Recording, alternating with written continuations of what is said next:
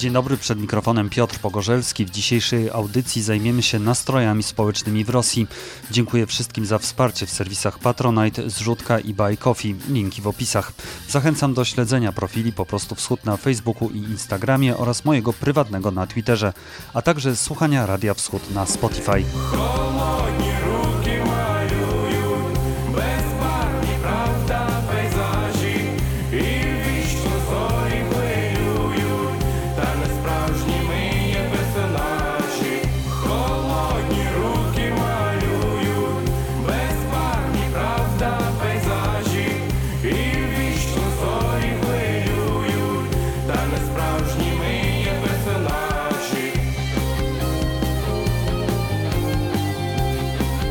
Dziś moim gościem jest dr Maria Domańska z Ośrodka Studiów Wschodnich. Dzień dobry. Dzień dobry. Jak mówiłem, zajmiemy się nastrojami rosyjskiego społeczeństwa. Zacznijmy od opublikowanego ostatnio przez komersanta sondażu.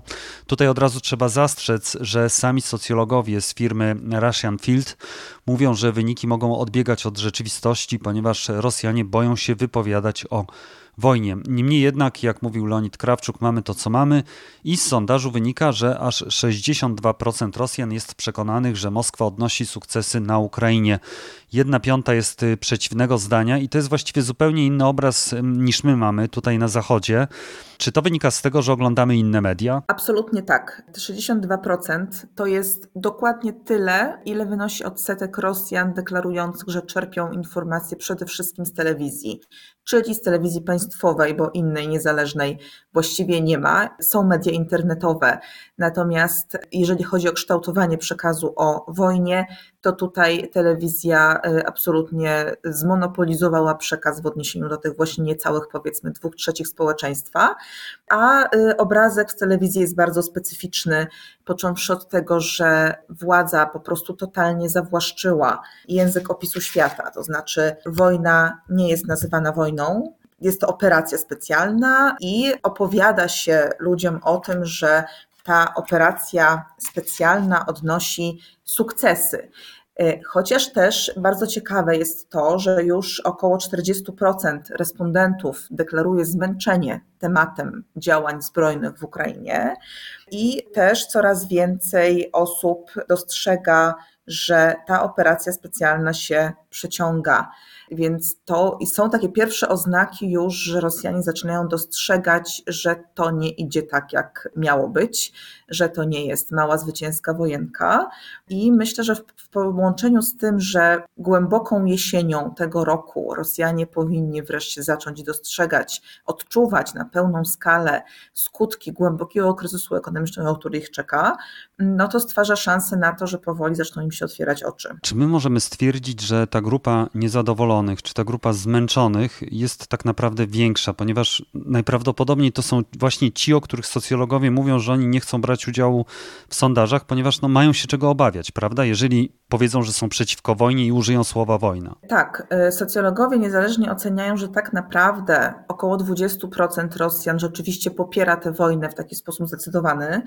Kolejne 20% to są przeciwnicy też zdeklarowani, natomiast pozostałe 60% to są ludzie, którzy albo się świadomie dystansują od polityki i nie mają ochoty w ogóle o tym myśleć, nie mają ustanowionych poglądów na temat tej wojny, albo rzeczywiście boją się wyrażać krytyczne nastroje, dlatego że mamy od początku marca przecież cenzurę wojenną w Rosji i ustawę, która każe wieloma latami więzienia potencjalnie za mm, krytykowanie y, działań armii rosyjskiej w Ukrainie.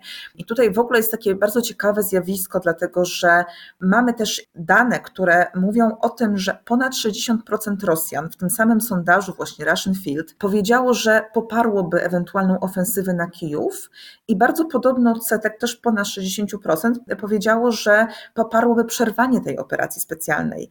I tu widzimy tą skalę dezorientacji Rosjan co do sensu, celów tej operacji. To, to się może wydawać, że e, Rosjanie poprą każdą decyzję władz, jaka zapadnie e, na temat Ukrainy.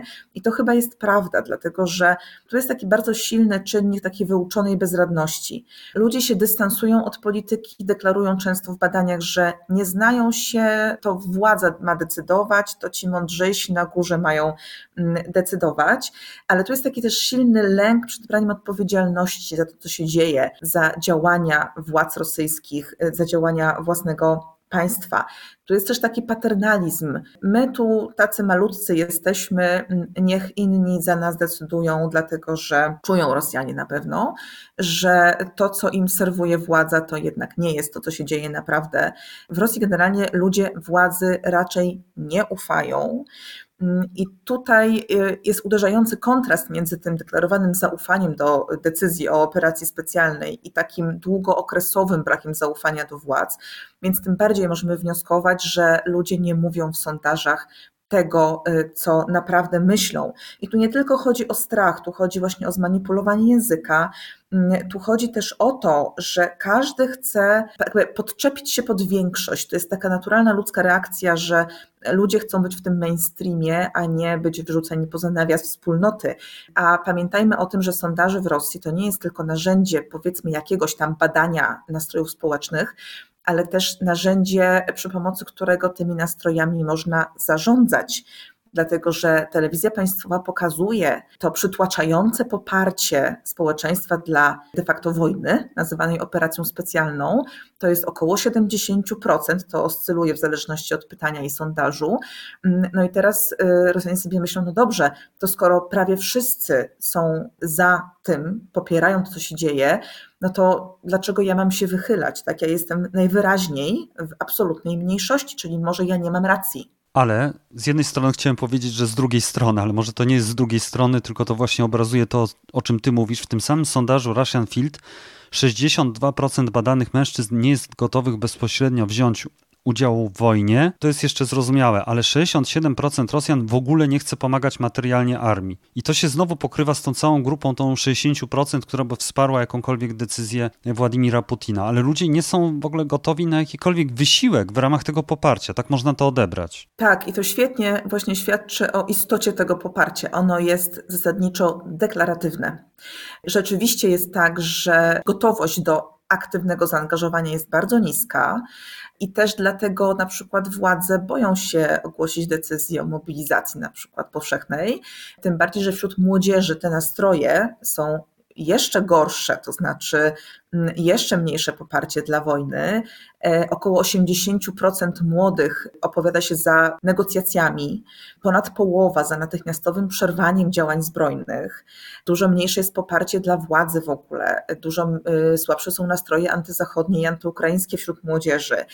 A ten brak gotowości do materialnego uczestnictwa we wsparciu dla e, armii rosyjskiej to jest też znowu taki paternalizm, to znaczy niech państwo się zatroszczy Państwo zaczęło tę operację, my ją popieramy, udowadniamy swoją lojalność, bo się boimy, albo po prostu dlatego, że bardzo trudno jest pójść przeciwko własnemu państwu, Natomiast my nie będziemy się angażowali we wsparcie czy w uczestnictwo. No nie jesteśmy głupi, nie pójdziemy umierać, a poza tym no, pogarsza nam się też sytuacja finansowa. Tak? W związku z tym nie ma żadnego powodu, żeby jeszcze na armię wydawać, o którą powinno zadbać znowu państwo. Tutaj powiedziałaś, że prawdopodobnie jesienią wreszcie do Rosjan dotrą efekty sankcji. Oni je bardziej odczują. U nas jest takie przekonanie, że jeżeli jest niezadowolenie, to jest protest i no, w każdym z państw zachodnich zapewne doszłoby do jakichś zmian we władzach, czy to w rządzie, czy na stanowisku prezydenta. No ale wydaje się, że w Rosji to niezadowolenie wcale nie musi się przerzucić na protest i nie musi oznaczać, że Rosjanie będą się domagali ustąpienia Władimira Putina. I raczej protestów się nie spodziewam. Aktywna część społeczeństwa to są ludzie, którzy często po prostu wyjeżdżają z Rosji. Mamy powiększającą się emigrację polityczną, która kieruje się do krajów zachodnich, ale nie tylko, bo i do Turcji, i do części krajów poradzieckich. Ci ludzie po prostu są najbardziej narażeni w tym momencie na represje i decydują się na e, czasowe opuszczenie Rosji. To są aktywiści, opozycjoniści, niezależni dziennikarze, którzy teraz aktywnie też próbują działać z zagranicy. A ci, co zostają w kraju, no mają dojmujące poczucie, i ono jest racjonalne, dlatego że mm, jego zasadność została udowodniona co najmniej przez ostatnie dwie dekady rządów Putina. To znaczy, że żadne protesty nigdy nie doprowadziły do niczego dobrego i nie osiągnęły celów kończyły się jedynie kolejnymi falami represji. Wydaje się, że odporność Rosjan na złe warunki ekonomiczne jest y, duża. Każdy, kto jest niezadowolony, raczej wybierze taką strategię indywidualnego przystosowywania się do gorszych warunków, a nie jakiejś kolektywnej akcji. Więc ja bym się y, takich protestów nie spodziewała, ale też y, i myślę, że klucz do ewentualnej zmiany władzy leży absolutnie w elicie rządzącej a elita jest w tym momencie też zastraszona i przyjęła taką postawę wyczekiwania. Jeżeli coś się zacznie dziać, to raczej taki klasyczny mechanizm zadziała, to znaczy władza zacznie się chwiać wtedy, kiedy powstanie wrażenie, że ta władza słabnie. A na razie mm, takich oznak e, słabości nie widać. Co prawda, operacja specjalna ugrzęzła w Ukrainie, zahamowano postępy wojsk rosyjskich. Jest ta świadomość, o której mówiliśmy, że to wszystko się przedłuża ponad miarę i ponad początkowe plany. Natomiast deklarowany poziom poparcia dla Putina jest ponad 80%. Też odrębne pytanie, na ile jest to autentyczne poparcie, bo znaczna część tego poparcia po prostu wynika z braku alternatywy.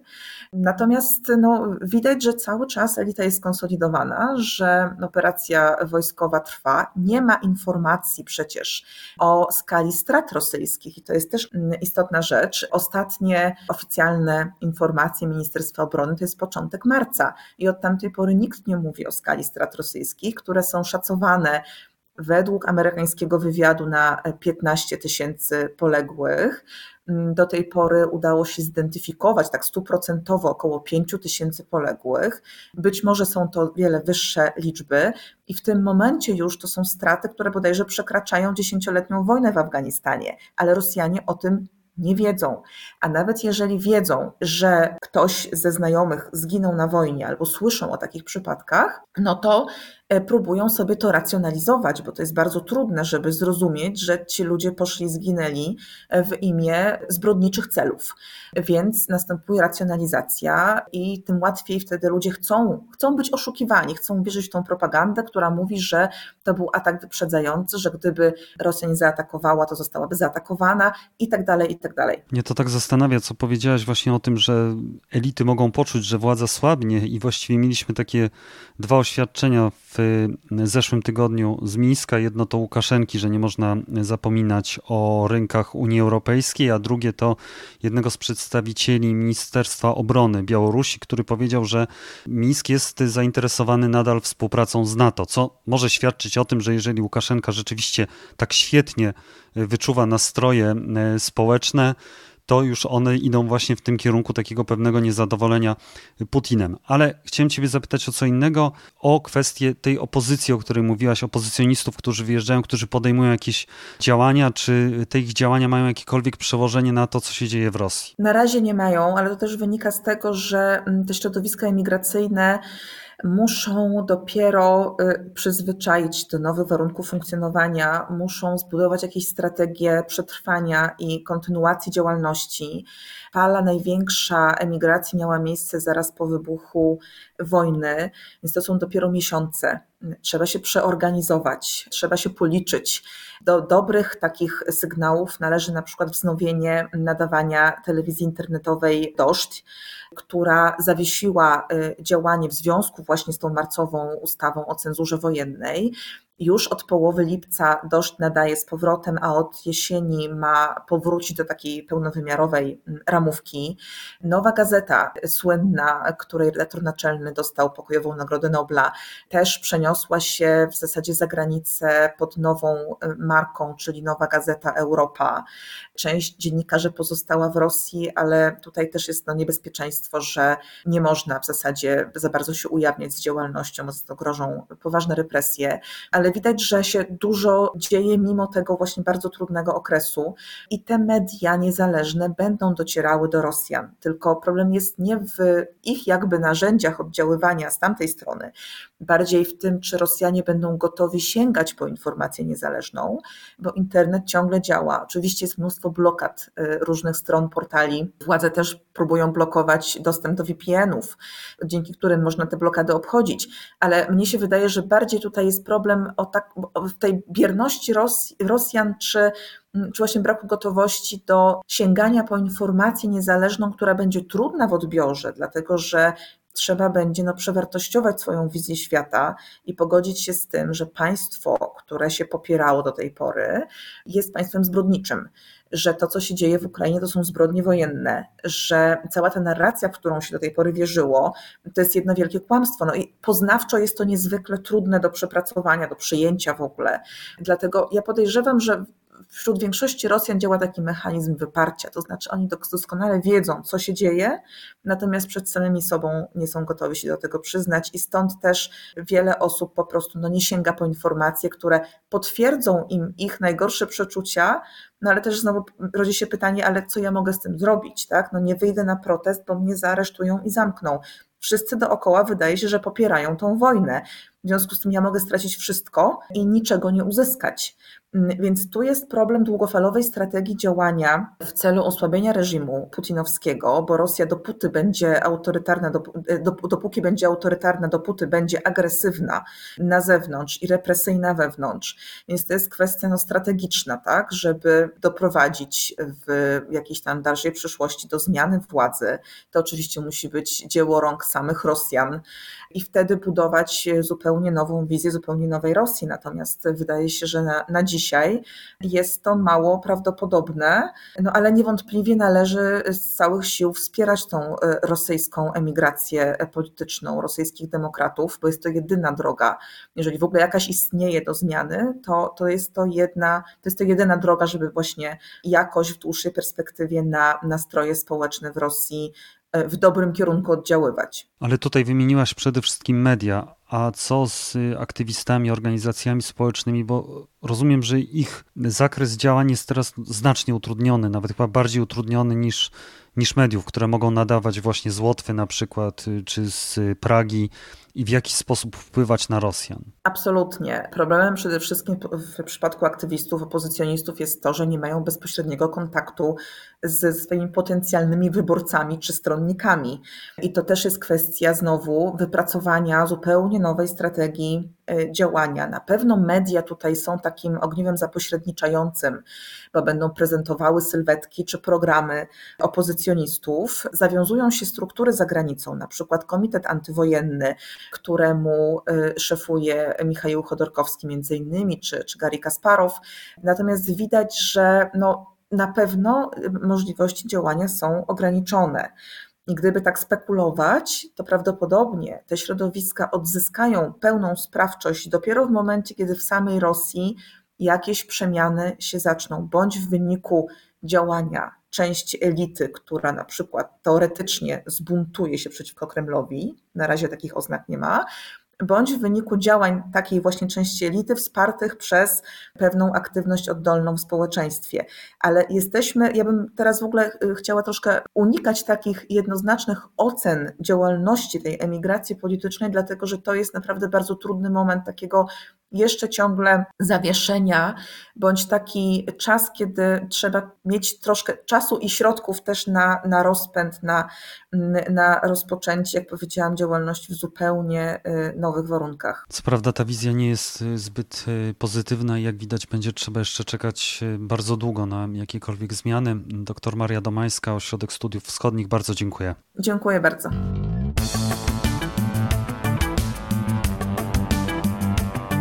To już wszystko w tym po prostu wschód. Jeśli spodobał się Państwu konkretnie ten odcinek, możecie mnie wesprzeć za pośrednictwem serwisu Buy Coffee. Dla stałego wsparcia polecam zrzutkę i Patronite. Linki w opisie. Do usłyszenia. Żegna się Piotr Pogorzelski.